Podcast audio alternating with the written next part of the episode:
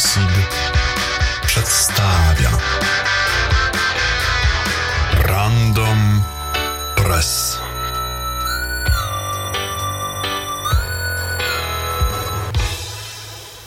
Witam serdecznie w czternastym już odcinku Random Pressu cyklicznego podcastu poświęconego bezpieczeństwu IT, informatyce śledczej i programowaniu komputerów.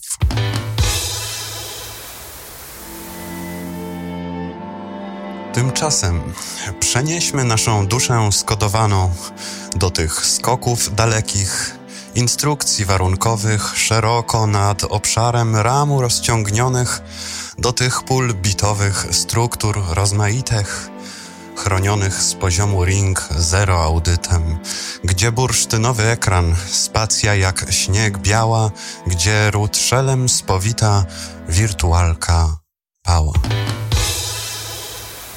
A w dzisiejszym odcinku powiemy sobie o nowych atakach wymierzonych w procesory, które dokonują optymalizacji polegającej na spekulatywnym wykonywaniu instrukcji, przełamywaniu zabezpieczeń iDisków, nowej licencji CockroachDB, bazy danych, której twórcy uważają, że duże korporacje pasożytują na open source, a także procesie wytoczonym przeciwko Facebookowi w Polsce, zamiarach Chin, aby porzucić system Windows i nowemu mechanizmowi śledzenia urządzeń Apple. Zapraszam. Za nami już Confidence, czyli krakowska konferencja poświęcona cyberbezpieczeństwu.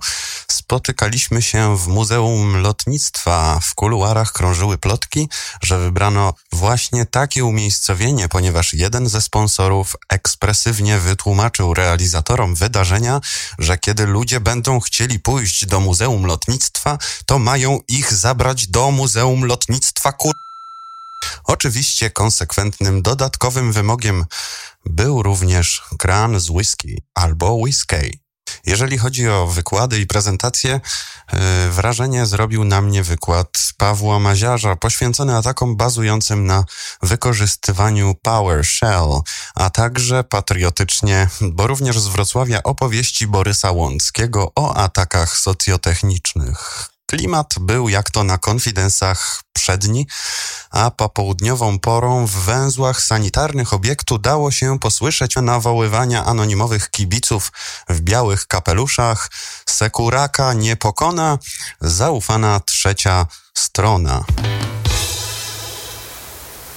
Nowoczesne procesory, mikroprocesory potrafią potokowo przetwarzać instrukcje maszynowe wczytywane z pamięci, a także optymalizować wykonywanie, korzystając z tak zwanego spekulatywnego wykonywania rozkazów, to znaczy instrukcje, które znajdują się na przykład po warunkowym skoku, ale nie wiemy, czy on nastąpi, czy też nie, są na przykład wczytywane i realizowane e, na podstawie pewnych przewidywań zachowywania się kodu umieszczonego i uruchamianego już wcześniej, a także innych warunków. No więc o co chodzi z tym spekulatywnym wykonywaniem? Żeby było możliwe wewnątrz procesorów, korzysta się oczywiście z pewnych architektonicznych rozwiązań, tworzy się odpowiednie tymczasowe bufory, na przykład store buffers, fill buffers i load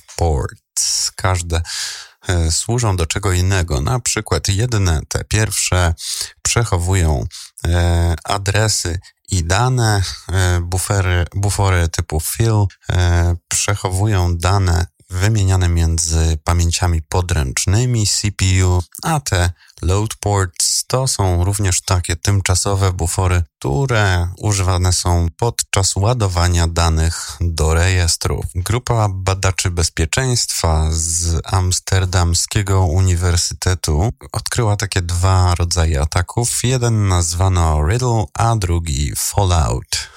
Ten pierwszy to jest w zasadzie akronim RIDL, czyli RIDL, a drugi, tak jak czytamy, jak angielskie słowo oznaczające upadek. Obie klasy tych ataków bazują właśnie na wykorzystaniu podatności na zagrożenia wewnątrz mechanizmów tego spekulatywnego wykonywania instrukcji. Co ciekawe, dane e, wędrujące do tych buforów, chociaż bardzo krótko to trwa, są często danymi, których nie znajdziemy nawet w cache'ach, czyli pamięciach podręcznych procesorów. Pierwsza grupa ataków, Riddle, czyli Rogue In-Flight Data Load, pozwala potencjalnemu napastnikowi mm, wykorzystać słabości zarządzania buforem line fill i load ports e, w taki sposób, że nieuprzywilejowany kod z przestrzeni użytkownika e, uruchomiony na komputerze będzie w stanie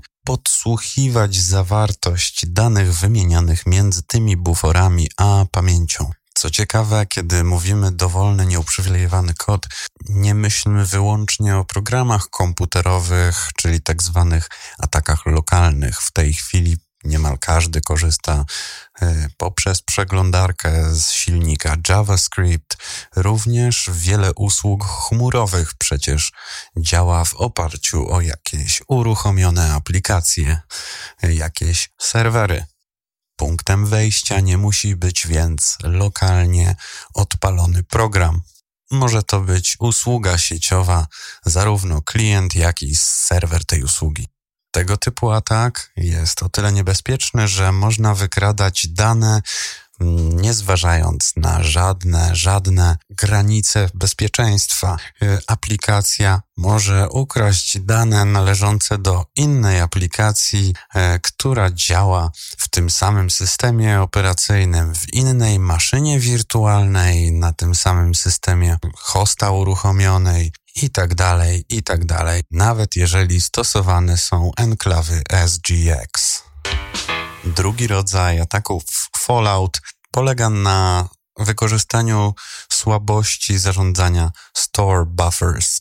Tego rodzaju ataki mogą być wykorzystane do złamania randomizacji przestrzeni adresowych w kernelu, kernel address space layout randomization, a także do wyciągania wrażliwych danych umieszczanych w pamięci przez właściwy system operacyjny, czyli jądro. Co ciekawe i ironiczne, najnowsze poprawki wprowadzone w procesorach i9 Intela, które chronią przed atakami typu meltdown, sprawiają, że są te procesory bardziej podatne na ataki Fallout. No i dobra wiadomość jest taka, że nie musimy już stosować spowalniających komputer obejść. Mam nadzieję taką, że to nie okaże się obejściem, ale rozwiązaniem, lecz po prostu zainstalować najnowsze update'y mikrokodu do procesorów Intela, które już zostały opublikowane. Badacze, którzy odkryli ten problem, zalecają również wyłączenie Simultaneous Multithreading SMT, zwane też e, handlowo Intel Hyperthreading Technology. To już nie brzmi tak mile, bo jeżeli ktoś mówi, że musimy taki podsystem wyłączyć, to znaczy, że w pewnych warunkach poświęcamy trochę zrównoleglanie, poświęcamy trochę wydajność naszego procka żeby się zabezpieczyć. Poprawki możemy dostać albo bezpośrednio od Intela, albo wraz z update'ami naszego wybranego przez nas i zainstalowanego systemu operacyjnego lub hypervisora. Na stronie Pentest Partners, która wygląda trochę jak jakaś kancelaria adwokacka, a trochę przynajmniej ma takie logo stylizowane na taką firmę doradczą. Na tej stronie znaleźliśmy rezultaty przełamywania, prób przełamywania zabezpieczeń takiego e, niehakowalnego flash drive'u USB, tak zresztą reklamowanego na Kickstarterze e, o nazwie iDisk. Dystrybucję produktu iDisk rozpoczęto już rok temu, e, reklamując się jako jeden z niewielu albo jedyny desk nie do zhakowania. Oczywiście ktoś, kto używał tu słowa zhakowania, miał na myśli przaśne, zna potoczne znaczenie tego słowa, czyli przełamania jakichś zabezpieczeń, skrakowania czegoś. I jeden z naszych pentestowych partnerów wtedy właśnie nabył drogą kupna taki pendrive. A gdy tylko włożył go do komputera, przedstawił się on, e, ten napęd USB, tak naprawdę jako trzy urządzenia. Kamera USB, e, wolumen flash w, tylko do odczytu i wolumen do odczytu i zapisu. Kamera w tym urządzeniu jest po to, aby dokonywać skanowania, a właściwie skanowania, no, wykonywać zdjęcie siatkówki oka, które następnie używane jest do wytworzenia klucza, z którego generowany jest e, właściwy klucz AS o długości 256 bitów, czyli szyfrowanie symetryczne na bazie zalążka biometrycznego. Użytkownik może wybrać, żeby opcjonalnie zabezpieczać dane również hasłem, a nie tylko skanem siatkówki. Nasz badacz na początku planował dokonać dekompilacji, żeby zobaczyć, jak program działa, ale zrezygnował z tego, ponieważ architektura, z którą miał do czynienia, czyli x86, a także zagmatwanie tego binarnego kodu, no były takie, że łatwiej było mu zacząć w sposób nieco leniwy, a więc od podsnifowywania, czyli podsłuchiwania komunikacji z USB i w tym celu przydał się taki mm, plugin do Wiresharka, moduł USB Pickup, który powoduje, że możemy sobie obserwować, jak na tej magistrali USB, która de facto jest rodzajem szeregowej szyny danych, wędrują sobie komunikaty między hostem, między komputerem, a przyłączonym urządzeniem. No i tutaj pierwszy sukces. Nasz pentester dowiedział się, analizując e, dane, które są wymieniane między urządzeniem a komputerem, że jego hasło które sobie wcześniej ustawił, hasło zabezpieczające wolumen danych, jest przesyłane między hostem a naszym paluszkiem USB. Tutaj pierwsze zagrożenie takie, że urządzenie na tym samym hubie teoretycznie jest w stanie podsłuchać taki ruch. No ale idźmy dalej. Nasz badacz zauważył też, co się dzieje, kiedy wprowadzi złe hasło i kiedy wprowadzi złe hasło odblokowujące i tak urządzenie przesyła jego wybrane wcześniej dobre hasło. Dokładnie.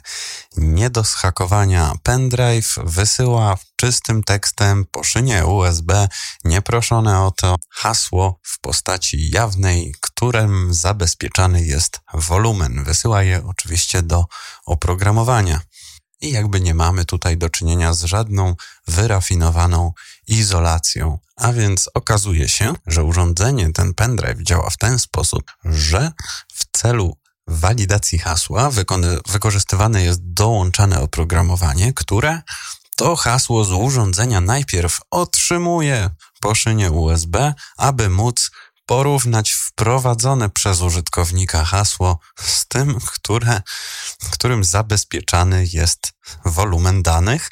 Kiedy hasła pasują, wtedy wysyłane jest ponownie to hasło po to, aby już odbezpieczyć część pamięci flash i odpowiednio zabezpieczoną kryptograficznie przestrzeń Odkrywca Luki próbował skontaktować się z twórcami, jednak nie otrzymywał, podług tego co jest napisane, od nich żadnych odpowiedzi, więc 9 maja postanowił Lukę opublikować. Jako obejście do czasu rozwiązania problemu zaleca się szyfrować dane przed umieszczeniem ich na tym pendrive'ie w naszym polskim serwisie Team Quest możemy przeczytać artykuł zatytułowany CockroachDB zmienia licencję, by sprzeciwić się pasożytowaniu na open source.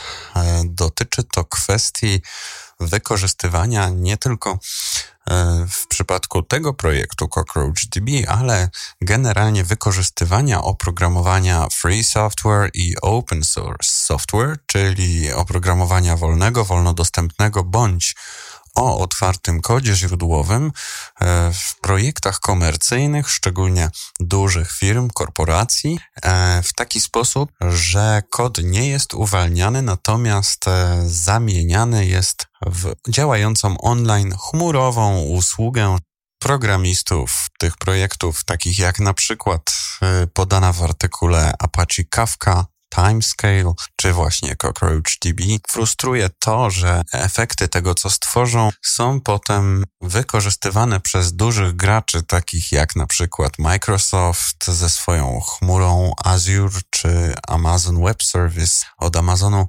Oczywiście y, korporacje te nie zamierzają wcale dzielić się ze społecznością tak zmodyfikowanymi przez siebie wersjami. Dlatego nowe zapisy licencyjne mają taki proceder ukrócić i doprowadzić do tego, że czasami wręcz zakazane będzie komercyjne, chmurowe świadczenie usług na bazie tak licencjonowanego oprogramowania. Słusznie zauważa e, redaktor tego materiału, że nie do końca może się to powieść, chyba że zadziała pewien efekt e, skali, pewien wirusowy efekt i większość wartościowych projektów e, free software czy open source tak zmodyfikuje licencję, że faktycznie nie będzie już gdzie uciekać takim korpom, Poza tym warto pamiętać, że większość licencji oprogramowania wolnego czy o otwartym kodzie źródłowym y, jakby nie działa wstecz, a więc programiści, którzy już y, zmodyfikowali jakieś wcześniejsze wersje, zaadaptowali je, firmy, które stworzyły swoje usługi chmurowe na bazie takich wydań, będą dalej mogły używać tamtych wcześniejszych wersji serwis Warszawa w pigułce podaje mm, informacje o sprawie w Sądzie Okręgowym w Warszawie, e, procesie przeciwko Facebookowi, który został pozwany przez pana Macieja Świrskiego. Zarzucił on gigantowi społecznościowemu cenzurę i dyskryminację ze względu na polityczne poglądy, narodowość i wyznanie sieci, jak to się mówi, wrze. Na różnych forach i w serwisach społecznościowych ludzie debatują. Czasami dyskusje kończą się na różnicach światopoglądowych, czasami wkraczają na trochę metapoziom i zaczyna się rozmowa pod kątem tego, gdzie kończy się własność prywatna, jeżeli mamy do czynienia z medium.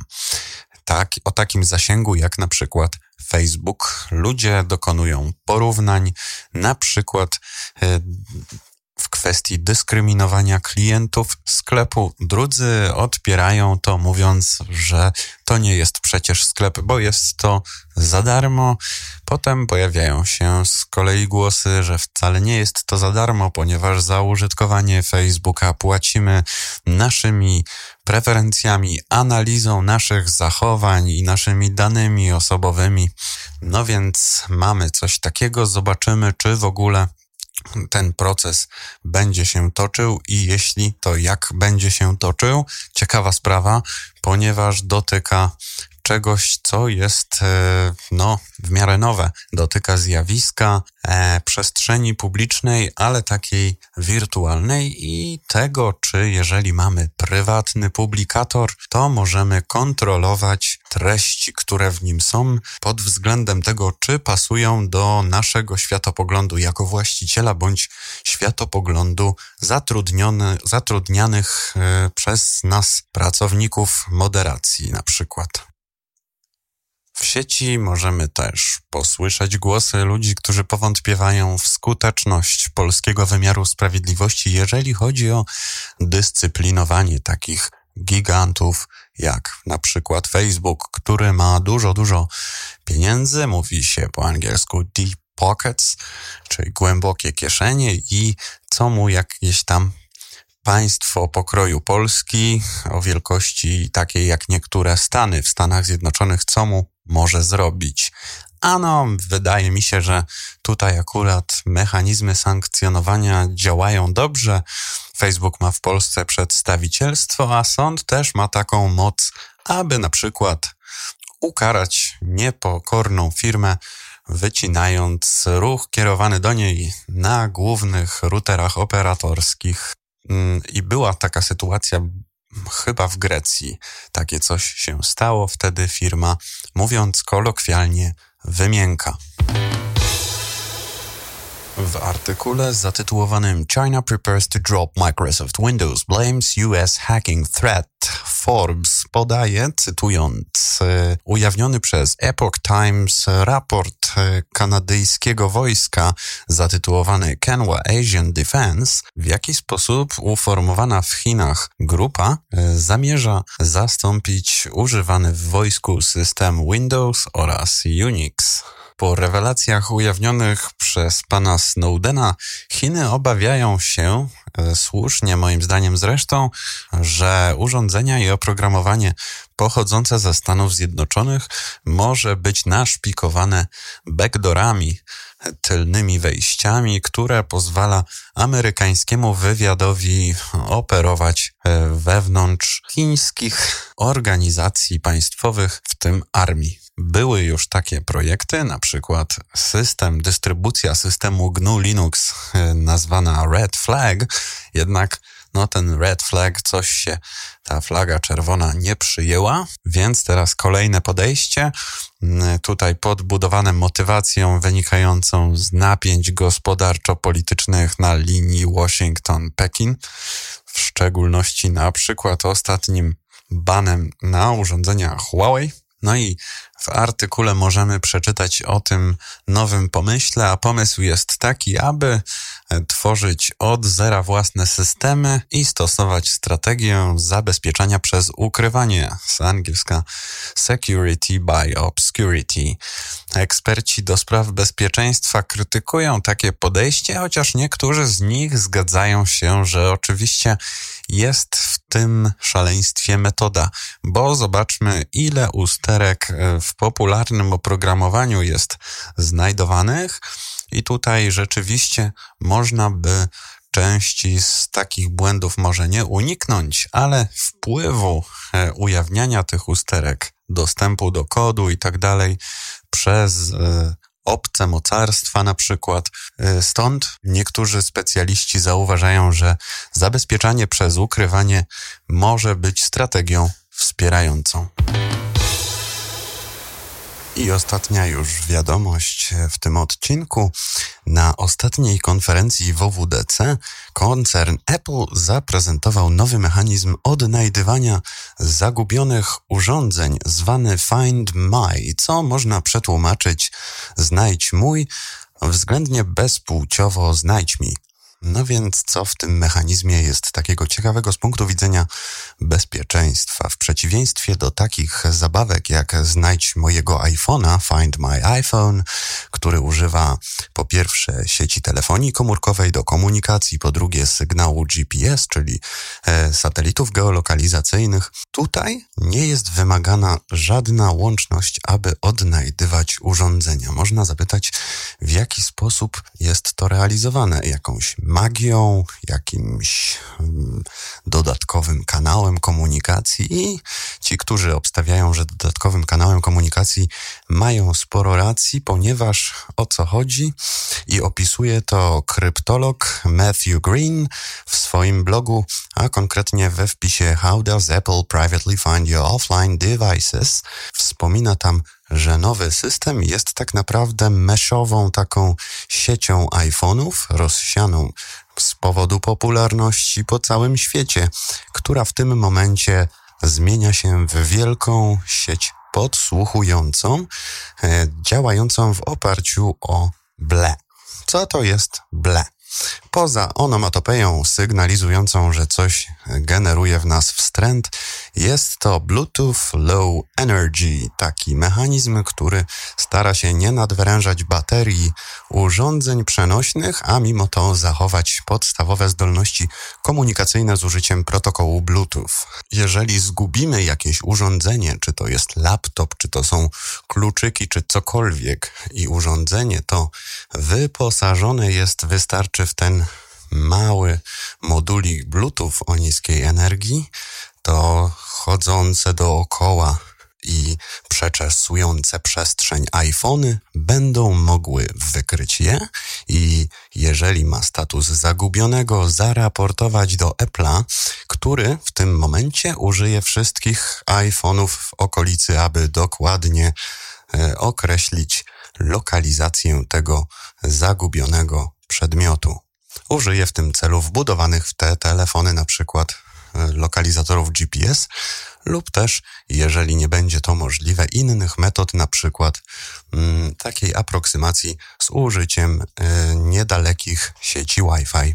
Opisywane przez naszego specjalistę zagrożenia dla prywatności takiego systemu potencjalne, bo wszystkiego jeszcze o tym systemie nie wiemy dokładnie, jak on działa pod spodem, no są takie, że po pierwsze nowy system zamienia każde urządzenie w taką kulę szpiegulę, pomijając już iPhony, każde urządzenie, które daje się w ten sposób namierzać i odszukiwać, ciągle emituje taki sygnał. Bluetooth nie ma opinii protokołu bezpiecznego, więc można obawiać się, że będzie możliwa identyfikacja e, ludzi, tego jak się przemieszczają, jeżeli tylko będziemy w stanie monitorować te ich radiolatarnie BLE. Jest to kolejny sposób śledzenia, tak jak na przykład popularne sieci handlowe monitorują na bramkach użytkowników, starając się identyfikować ich po sygnałach wysyłanych ze zbliżeniowych kart płatniczych. Druga sprawa dotyczy z kolei już telefonów, które zajmują się śledzeniem. Aby one mogły śledzić, same muszą dać się lokalizować w jakiś sposób, wysyłać to, gdzie się znajdują. Ludzie uczestniczący w tym przedsięwzięciu, użytkownicy iPhone'ów będą więc wysyłali swoją lokalizację w najgorszym przypadku cały czas lub w zadanych interwałach, a w najlepszym przypadku wtedy, gdy w pobliżu ktoś sygnalizuje zagubione urządzenie. No i trzecia podnoszona wątpliwość dotyczy przyszłości, czy nie okaże się, że skamerzy, oszuści znajdą jakiś sposób, aby prowadzić aktywne ataki wymierzone w ten model, zgłaszając fałszywe lokalizacje urządzeń. To już wszystko w dzisiejszym Random Pressie. Do zobaczenia, mam nadzieję, za tydzień i pozdrawiam bardzo, bardzo ciepło kastodianem dzisiejszego odcinka jest Adam H., a dokładniej Adam Cecha.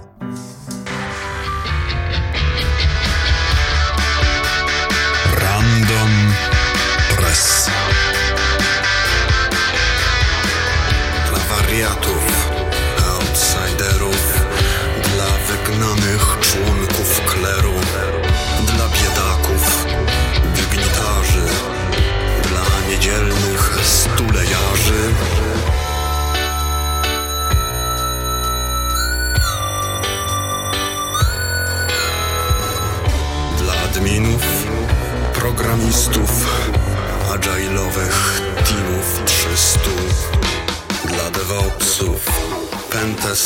pentesterów, top-notchowych bug hunterów.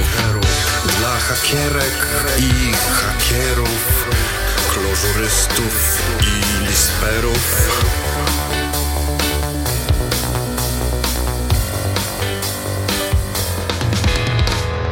Dla ćwiczących gdzieś dla masy, randomowy przegląd prasy.